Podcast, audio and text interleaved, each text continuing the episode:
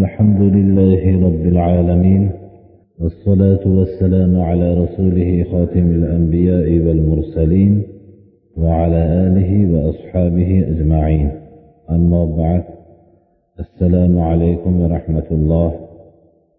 إمام النووي jamoat bilan namoz o'qishligini fazilatlari haqida quyidagi hadis shariflarni keltirganlar abdulloh ibn umar roziyallohu anhudan rivoyat qilinadiki rasululloh sollallohu alayhi vasallam aytdilarki صلاة الجماعة أفضل من صلاة الفذ بسبع وعشرين درجة جماعة بلن أقلغان نماز yakka o'qilgan namozdan yetmish yigirma yetti barobar ortiqdir hadis sharif muttafaqun alayh bo'lgan hadislardandir Kishi moddiy daromadining qisman ortiqroq bo'lgan o'rniga borib o'zining matosini shu yerda sotishlikka harakat qiladi.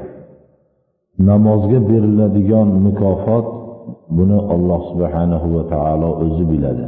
Shuni jamoat bilan o'qilgan namoz yigirma yetti barobar qilib ko'paytirib berilishligi mana muttafaqun alayh bo'lgan hadis sharif bilan sobitdir abu hurayra roziyallohu anhudan rivoyat qilinadiki أتى النبي صلى الله عليه وسلم رجل أعمى فقال يا رسول الله ليس لي قائد يقودني إلى المسجد فسأل رسول الله صلى الله عليه وسلم أن يرخ رسول الله صلى الله عليه وسلم أن يرخص له فيصلي في بيته فرخص له فلما ظل دعاه فقال له هل تسمع النداء بالصلاة قال نعم قال فأجيب إمام مسلم رواية لذلك الكرمية payg'ambarimiz sollallohu alayhi vasallam oldiga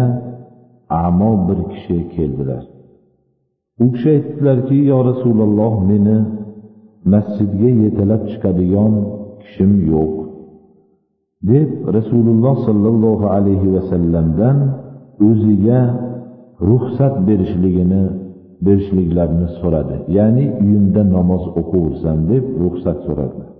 Ruxsat berdilar rasululloh sollallohu alayhi vasallam bu amo kishi burilib qaytib ketayotganlarida chaqirib qoldilar va aytdilarki azonning ovozini eshitasanmi dedilar. Namozga chaqirilgan ovozni eshitasanmi dedilar.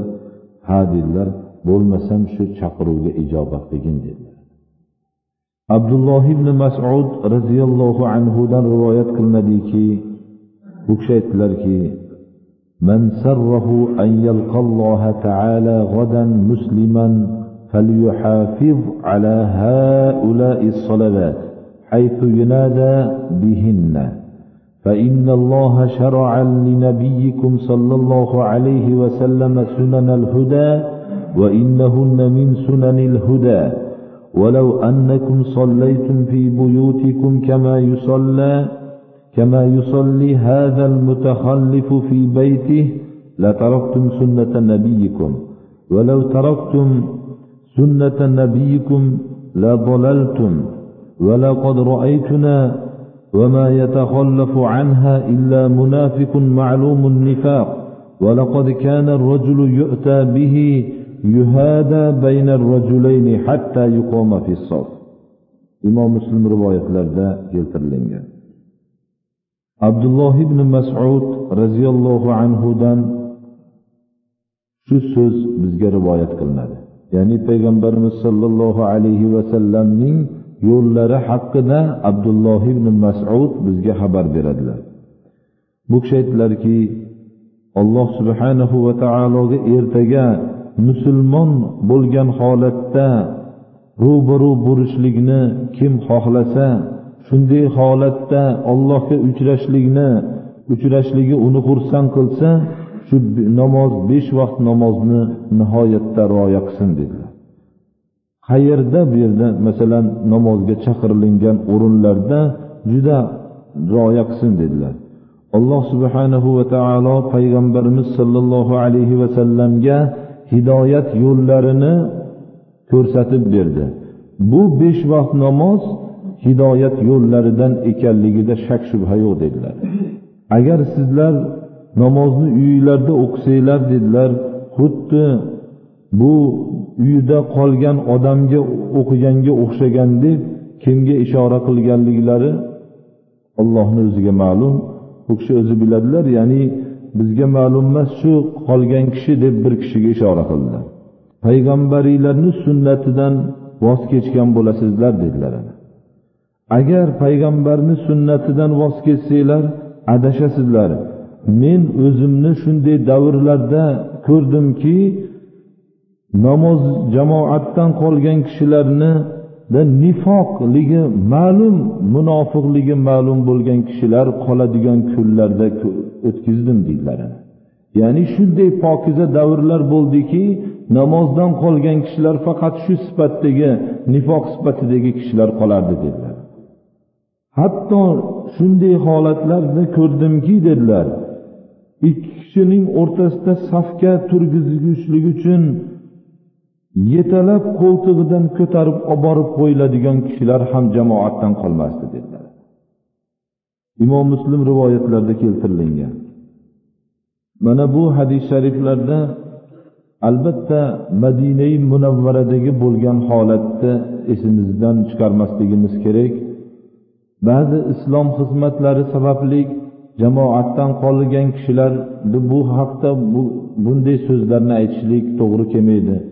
Xususan bizning davrlarimizda masjidlardan odamlar beziydigan bir holatlar paydo bo'ldi.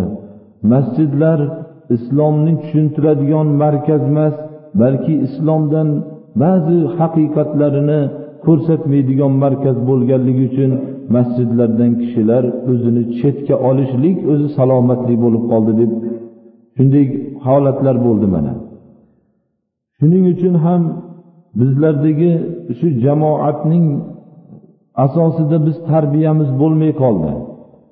Ammo rasululloh sollallohu alayhi vasallamning davrida biz shuni izohlab o'tishimiz kerak. Masjiddan boshqa joyda asosiy masjid islomning markazi hisoblanardi.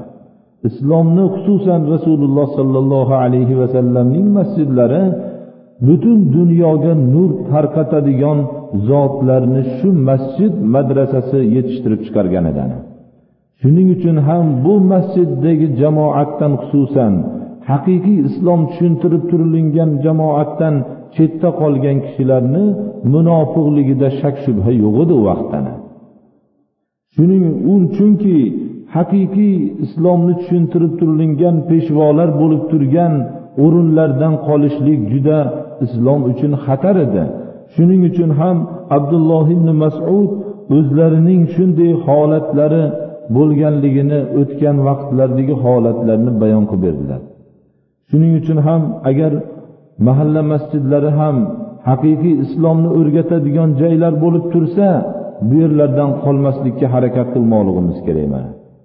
Bo'lmasam g'iybat shikoyat bo'lsa mana masalalarda borki iyodatul mariz kasalni ko'rishlik bu islom musulmonlarning bir birlarining ustidagi haq. Mabodo shu bir kasalni ko'rgani borsa shu yerda g'iybat bo'lib qolishligini xavfi bo'lsa muqarrarligi emas g'iybat bo'lib qolishligi mumkin bo'ladigan bo'lsa shu iyodatul mariz undan soqit bo'ladi birodar. Ana shuning uchun agar masjidlarda bo'xton shikoyatlar bo'lmay turgan bo'lsa o'zi fursati bor bo'lgan kishilar jamoatga e'tibor bermoqliklari kerak. Uylarda ham farzandlar bilan jamoat bilan o'qishlikka e'tibor bermoqligimiz kerakki ularning qalblari shu yerda ulfatlanib qoladi agar nima bo'lsa. Alloh subhanahu va taolo hammamizni ham mana shu sunnatni ihyo qilishlikka alloh tavfiq bersin. O'tgan vaqtdagi xatolarimizni olloh o'zi kechirsin.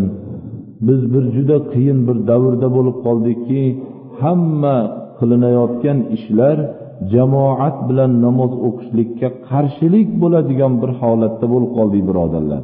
Islom dunyolarida namozga jamoat bilan namoz o'qishlikka azon chaqirilishligi bilan hamma olamdagi mana eshitamizki butun harakat to'xtab hamma namozga shuru qiladi. Shu xalqlarni ustida peshvo bo'lib turgan kishilar o'zlari jamoat bilan namoz o'qishadi. Xususan ular imom bo'lib namoz o'qib berishadilar ammo bu jamoat bilan namoz o'qishlikka harakat qilgan kishilar bizlarda endi juda sanoqli. Agar o'qiyman desa ham qarshiliklarni ichida o'qiydi mana. Alloh subhanahu va taolo bizlarga ham shunday pokiza olamni alloh o'zi nasib qilsin.